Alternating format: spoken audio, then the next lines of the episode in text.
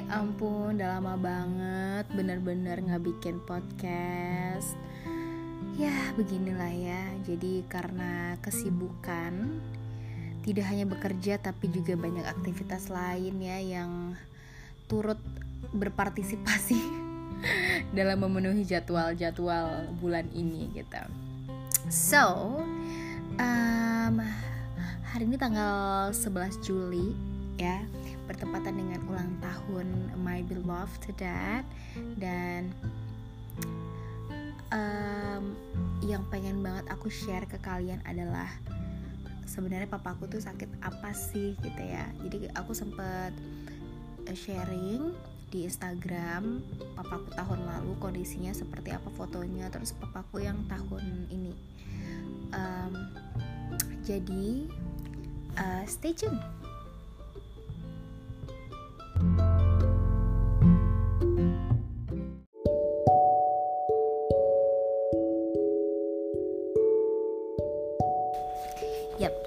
papaku itu uh, sakit sekitar setahunan yang lalu ya. Waktu itu aku masih kuliah juga, semester akhir. Aku dapat kabar kalau papaku itu sakit perut luar biasa dan uh, dirawat di salah satu rumah sakit swasta di Pekanbaru. Dan ternyata keputusan finalnya adalah papaku harus dioperasi karena kebocoran lambung kebocoran lambungnya itu sudah lumayan parah. Sudah jadi cairan asam lambungnya itu sudah melukai ususnya bagian-bagian ususnya gitu. Jadi papaku memang harus melakukan operasi besar. Uh, setelah drama ya karena papaku itu orang yang takut banget sama tindakan dokter udah paranoid duluan. Ya akhirnya dengan segala bujuk rayu papaku memutuskan untuk oke okay, kita operasi. Um, di pers operasinya ini lumayan lama kata mamaku ya kan. Soalnya aku waktu itu karena di luar kota jadi cuman tahu kabarnya uh, by phone aja. Jadi papaku itu operasi mungkin sekitar dua jam lebih kali ya ada. Uh, dan opname di rumah sakit setelah operasi tuh mungkin seminggu atau dua mingguan aku juga lupa. Tapi lumayan lama karena kan recovery dari operasi besar itu. Dan belum bisa makan sama sekali kan. Uh, terus papaku keluar dari rumah sakit uh, ternyata dramanya masih berlanjut. Jadi papaku tuh masih belum bisa makan belum bisa minum masih rewel banget makan masih pilih-pilih banget karena perutnya uh, udah tidak seperti sedia kala ya gitu. Jadi nggak semua makanan dia selera makan. Jadi hampir satu tahun eh hampir enam bulan papaku itu nggak makan nasi sama sekali. Dan ini patut uh, di ini ya di waspadai buat uh, orang tua. Jadi aku akan kasih tahu nanti penyebabnya apa. Aku ceritain dulu ya nggak makan nasi sama sekali nggak makan lauk. Papaku tuh cuma minum energen. Karena papaku itu takut muntah takut dia nggak selera makan dia malah nggak kemasukan apa apa dalam perutnya. Dan kita sebagai orang rumah uh, sudah melakukan berbagai cara untuk agar papaku itu mau makan tapi dia tetap selama enam bulan itu dia nggak mau makan nasi sama sekali. Akhirnya papaku itu kehilangan berat badan banyak banget. Papaku tuh jadi kurus kering pipinya cekung terus mukanya udah nggak ceria lagi. Pokoknya udah cahayanya tuh nggak ada gitu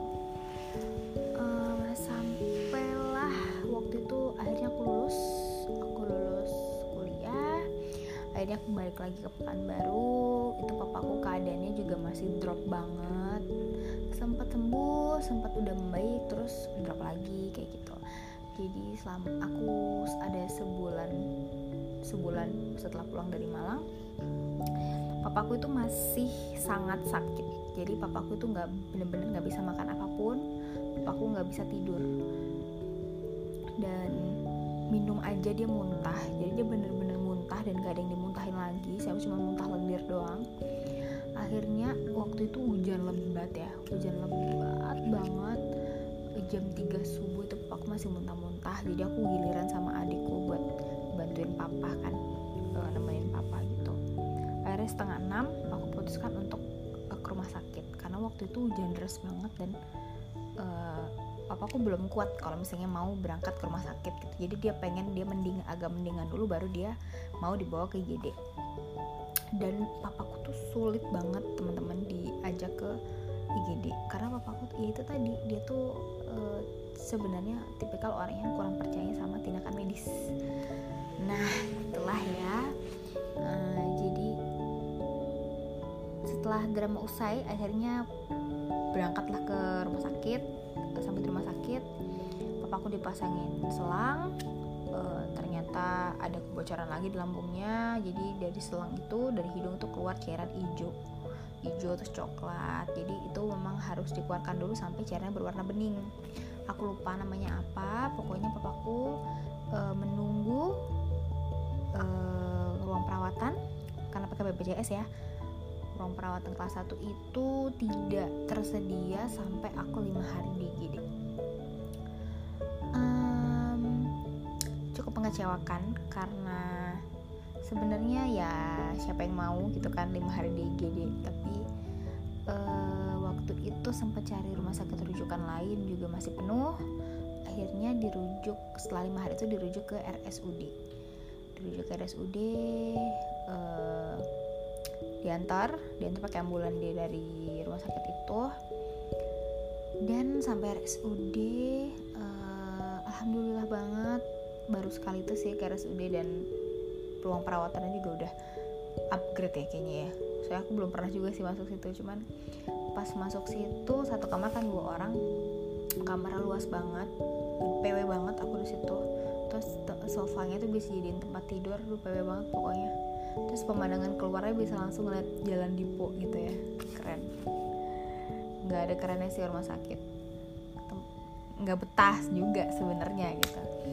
Cuman aku di situ dua minggu karena papaku itu jadi dari perutnya itu dari perutnya itu aku belum ceritain ya tadi ya keadaan perutnya itu gimana. Jadi perutnya itu yang di daerah lambung itu ya kelihatan dari fisik ya perut bagian luar itu bocor. Jadi cairan itu keluar meluber keluar perut nah itulah yang melukai cairan asamnya itu melukai bagian perut lainnya.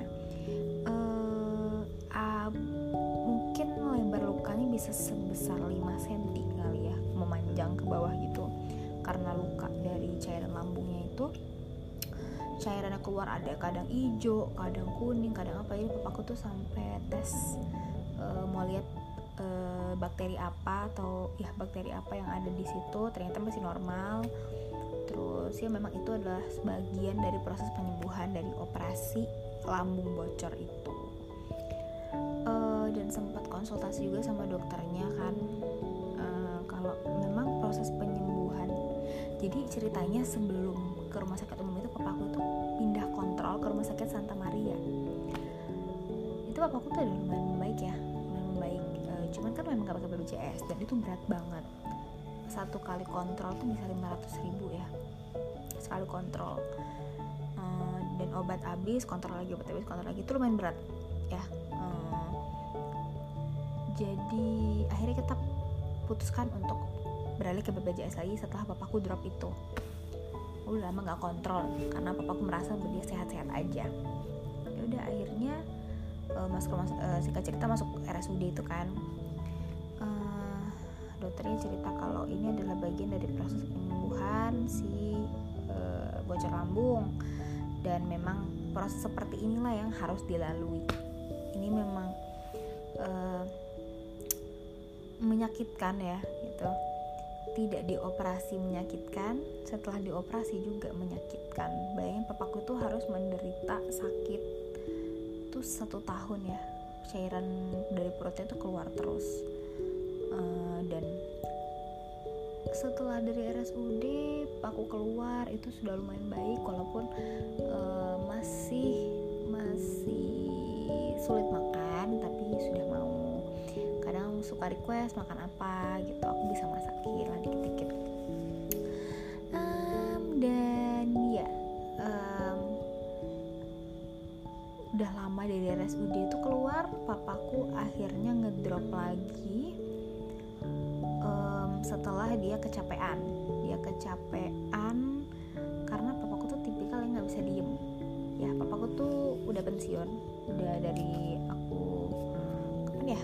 Semester akhir kuliah deh pokoknya papaku tuh pensiun.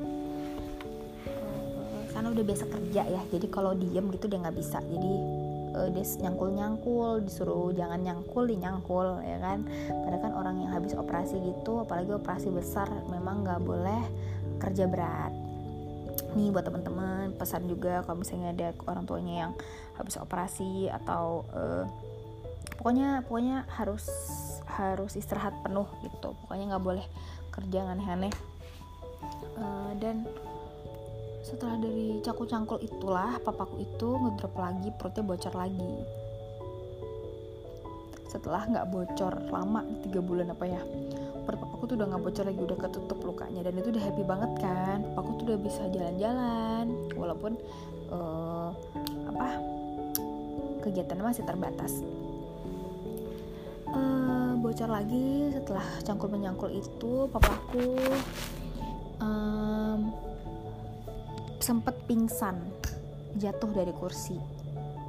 Entah kenapa dia pusing banget katanya waktu itu. Akhirnya dibawa ke Santa Maria lagi itu nggak apa-apa. Uh, dibawa lagi pulang uh, disuruh rujuk lagi ke dokter bedah lagi ya kan? Karena perutnya bocor lagi. Habis itu belum sampai ke dokter bedah besok paginya papaku itu perutnya berdarah banyak banget. Ini gongnya sih. Ini adalah kejadian papa aku. Itu jadi sebelum berdarah berdarah itu papaku itu memang sakit perut luar biasa sakit perut lagi dan sempat masuk GD keluar lagi masuk GD keluar lagi. Uh, sebelum jadwal kontrolnya yang sudah dijadwalkan sama dokter bedah papaku itu perutnya berdarah pendarahan kayak habis ditusuk. Jadi aku dibangun jam 3 pagi. Jadi aku tuh tidur sama papaku berdua di kamar. Aku dibangun jam 3 pagi itu ngeliat perut, perut papaku itu bocor dan berdarah banyak banget kayak habis ditusuk-tusuk. Itu aku langsung berdiri panik lemes banget. Dan isitu aku heran papaku tuh masih kuat kuat. Bener-bener kayak orang sehat. Dia bilang kalau dibersihin dulu eh, tenang bersihin dulu besok kita langsung berangkat ke rumah sakit lagi. Dan kecewanya aku di rumah sakit papaku tuh dibiarin daripada dalam keadaan yang menurut aku tuh emergency. Pendarahan banyak banget. Dia didimin aja cuma di center-center perutnya terus udah disuruh pulang besok disuruh balik lagi ke dokter bedah. Maksudnya ya harapan aku ada ada tindakan ya dari keadaan papaku yang darurat menurut aku. Maksud aku kecewa banget. Aku yakin dokternya tahu banget sih muka aku kecewa. Karena ya aku jam 3 subuh bro ke sini gitu kan jauh pula dari rumah dengan harapan uh, nggak nggak pakai BPJS ya bro ya. Harapannya uh, supaya nggak pakai BPJS udah dibawa ke rumah sakit yang menurut aku kualitasnya sangat baik. Eh malah ya kan cuma di center-center itu adalah kejadian yang sangat mengecewakan. Uh, aku nggak akan sebut rumah sakitnya apa. Uh, aku punya temen dokter uh, Ica namanya. Alhamdulillah Ica ini masih koas dan dia banyak banget membantu aku secara online.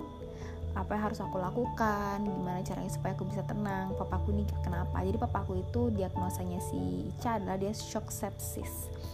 Bener aja jadi papaku itu dibawa pindah ke rumah sakit. Ke rumah sakit awal papaku operasi ternyata didiagnosa itu papaku memang shock sepsis dan itu udah emergency papaku itu HB-nya cuma 4 itu papaku kalau telat aja papaku tuh udah lewat. Jadi aku tuh herannya aku tuh masih kuat banget bener-bener kayak orang sehat. Cuman karena perutnya bocor aja dan badannya kurus. Coba papaku tuh seger gitu ya kelihatan kayak nggak ada sakit apa-apa papaku masuk ke ruang intensif di situ aku nggak nyangka papaku tuh bakal dipasangin uh, apa sih uh, apa sih alat alat yang buat aku nggak tahu itu bahasanya apa. Uh, untuk tahu tensinya secara otomatis itu ya di dikontrol terus. Soalnya papaku tuh tensinya drop karena HB-nya rendah. Papaku tuh transfusi darah dua kantong transfusi dua kantong lagi seingatku ya. Total 4 apa 5 kantong gitu aku lupa. Di ruang intensif papaku nggak sampai satu hari langsung kita pindah ke ruang perawatan. Papaku di ruang perawatan ada tiga harian. Itu papaku udah jauh membaik. Uh, pokoknya kondisi umumnya dipulihkan. Papaku tuh sempat ronsen juga ronsen dada dikontrol juga sama dokter bedah. Uh, namanya dokter Eko dokternya baik banget. Jadi dia setiap kontrol itu ada setengah jam kali dia ngobrol. Ngajakin kita ngobrol e, menganalogikan penyakit itu se apa ya sesimpel mungkin supaya kita gampang mencerna ya. Karena kita bukan dari apa bukan dari e, latar belakang kesehatan gitu. Jadi kan nggak ngerti ya udah akhirnya aku keadaan umumnya sudah sangat membaik alhamdulillah banget. Dan makannya masih susah masih susah masih rewel tapi ya nggak apa-apa.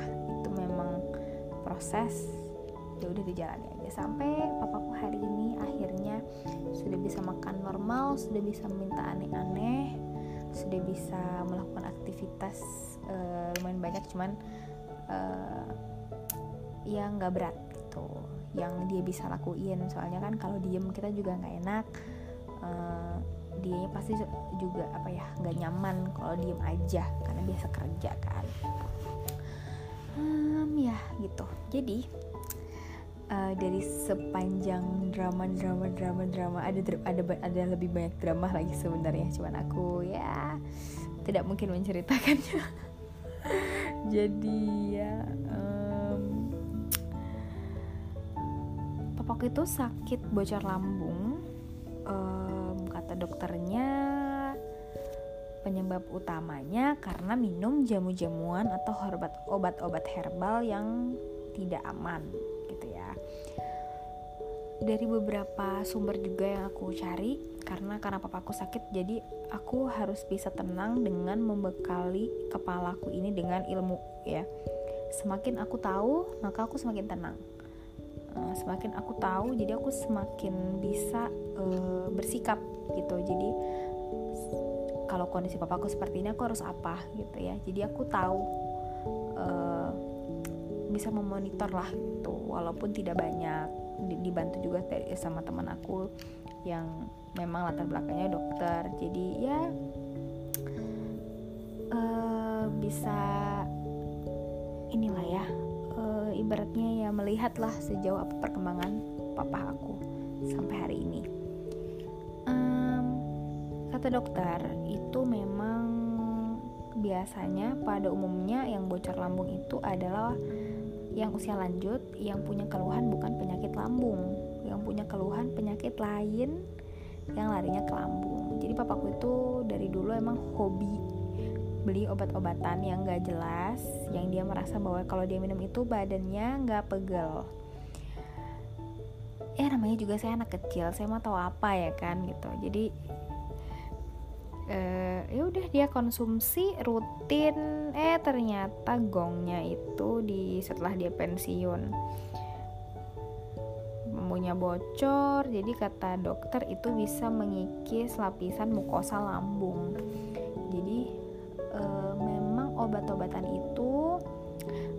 aku bisa dikoreksi ya kalau misalnya aku salah karena aku memang bukan latar belakang kedokteran, kesehatan atau apa pun. Ini adalah best on true story aja dari apa yang aku alami dan apa yang aku baca dan apa yang aku dengar dan info-info yang aku dapatkan. Supaya kalau teman-teman yang punya orang tua yang masih bandel suka minum obat-obatan yang gak jelas tolong di stop aja. Karena ini beneran bahaya. Dan efeknya jangka panjang daripada kita mengobati lebih baik kita mencegah. Itu say. Uh, kembali ke topik. Jadi um, ya papaku itu bandel. Jadi kalau dikasih tahu pak jangan minum obatnya obatnya nggak aman atau gimana dia merasa bahwa kalau itu ada khasiat buat badan dia dia akan go on minum terus. Sampai hari ini bahkan setelah dia sehat dia masih kadang suka minta beliin obat-obat yang gak jelas ehm, karena pemberian apa pemberian pengertian secara lisan itu tidak begitu mempan kadang dia beli sendiri. Akhirnya dikasih opsi bahwa dia harus kontrol terus ke dokter. Karena sebenarnya dia benci banget kontrol ke dokter kan. Males katanya ngantri dan sebagainya ya pinter-pinternya kita sih sebenarnya. Kalau punya orang tua yang pinter ngeles pinter mencari alasan untuk tidak berobat untuk tidak menjalani hidup yang sehat kita harus lebih pinter cari celahnya gitu. Aku sama papaku itu nggak terlalu deket ya. Setelah papaku sakit itu aku jadi deket banget. Bahkan sangat dekat sekarang. Jadi semua itu sebenarnya ada hikmahnya sih mungkin dengan begini jadi lebih tahu satu sama lain. Walaupun caranya tidak baik gitu ya sakit dulu gitu. Ah, pokoknya buat teman-teman orang tuanya dijaga di kita uh, karena apa ya? Karena kan sudah waktunya kita yang uh, um, apa ya punya andil gitu untuk uh, gimana ke depannya orang tua kita. Karena sudah tua jadi harus kesehatannya harus di maintenance terus biar tidak apa ya penyakit tua itu pasti ada ya. Cuman gimana caranya tidak e, mengganggu aktivitas kontrol terus ke dokter atau mungkin kesehariannya dijaga makannya terus e, jangan dibiarin misalnya yang masih orang tua yang ngerokok terus stop udah. Jangan lagi ya. Walaupun papaku tuh sebenarnya masih curi-curi ngerokok aku tahu. Jadi papaku itu ternyata setelah di ronsen papaku tuh punya pneumonia. Dan pernah sakit TB tapi papaku nggak tahu. Jadi kelihatan bekasnya namanya KP lama. Jadi ke temanku itu adalah bekas TB tapi udah sembuh gitu jadi papaku sekarang ada pneumonia cuman belum kontrol lagi ke dokter gimana pneumonianya. Papaku batuk-batuk by the way. Dan itu menular jadi kalian harus berhati-hati ya. Um, apa ya aku bilangnya um, udah deh pokoknya dijaga orang tuanya diberikan pengertian. Kadang orang tua suka taunya dia bener aja gitu. Dikasih pengertian pinter-pinternya kita yang punya orang tua ya dilakukan pendekatan gimana caranya supaya orang tua mengerti maksudnya kita tanpa uh, kita bertindak kurang ajar seperti kadang aku mas kadang aku suka berantem sih karena aku sama papaku tuh kembar ya kayak kembar. Jadi cara berpikirnya terus ngotot-ngototnya itu sama banget ngeles-ngelesnya tuh sama banget. Jadi sering banget berantem. Maksudnya uh, bukan berantem yang sampai bentak-bentak gitu ya maksudnya lebih ke berargumen. Apa ya? Apa ya? Pokoknya adu argumen gitu. Lah um, cuman ya udah ya nggak berkelanjutan sekedar doang gitu. Ya jadi pokoknya siapa pun sih kita harus jaga kesehatan ya um, jangan sampai perilaku kita di masa muda membuat kita menyesal di hari tua sih. Ngomong apa sih Paitun? Hmm, pokoknya kalian harus aware sama kesehatan orang tua. Udah gitu aja. Um, kayaknya gitu aja deh. Kalau misalnya nanti ada informasi yang ketinggalan aku bakal share uh, lagi mungkin nanti sejauh ini aku mau cerita dulu soal itu supaya kita semua uh, terbuka pikirannya ya udah setengah jam ngomong ya uh, semoga kalian suka semoga uh, bisa memberikan manfaat buat kita semua. Ya, selamat malam. Bye bye.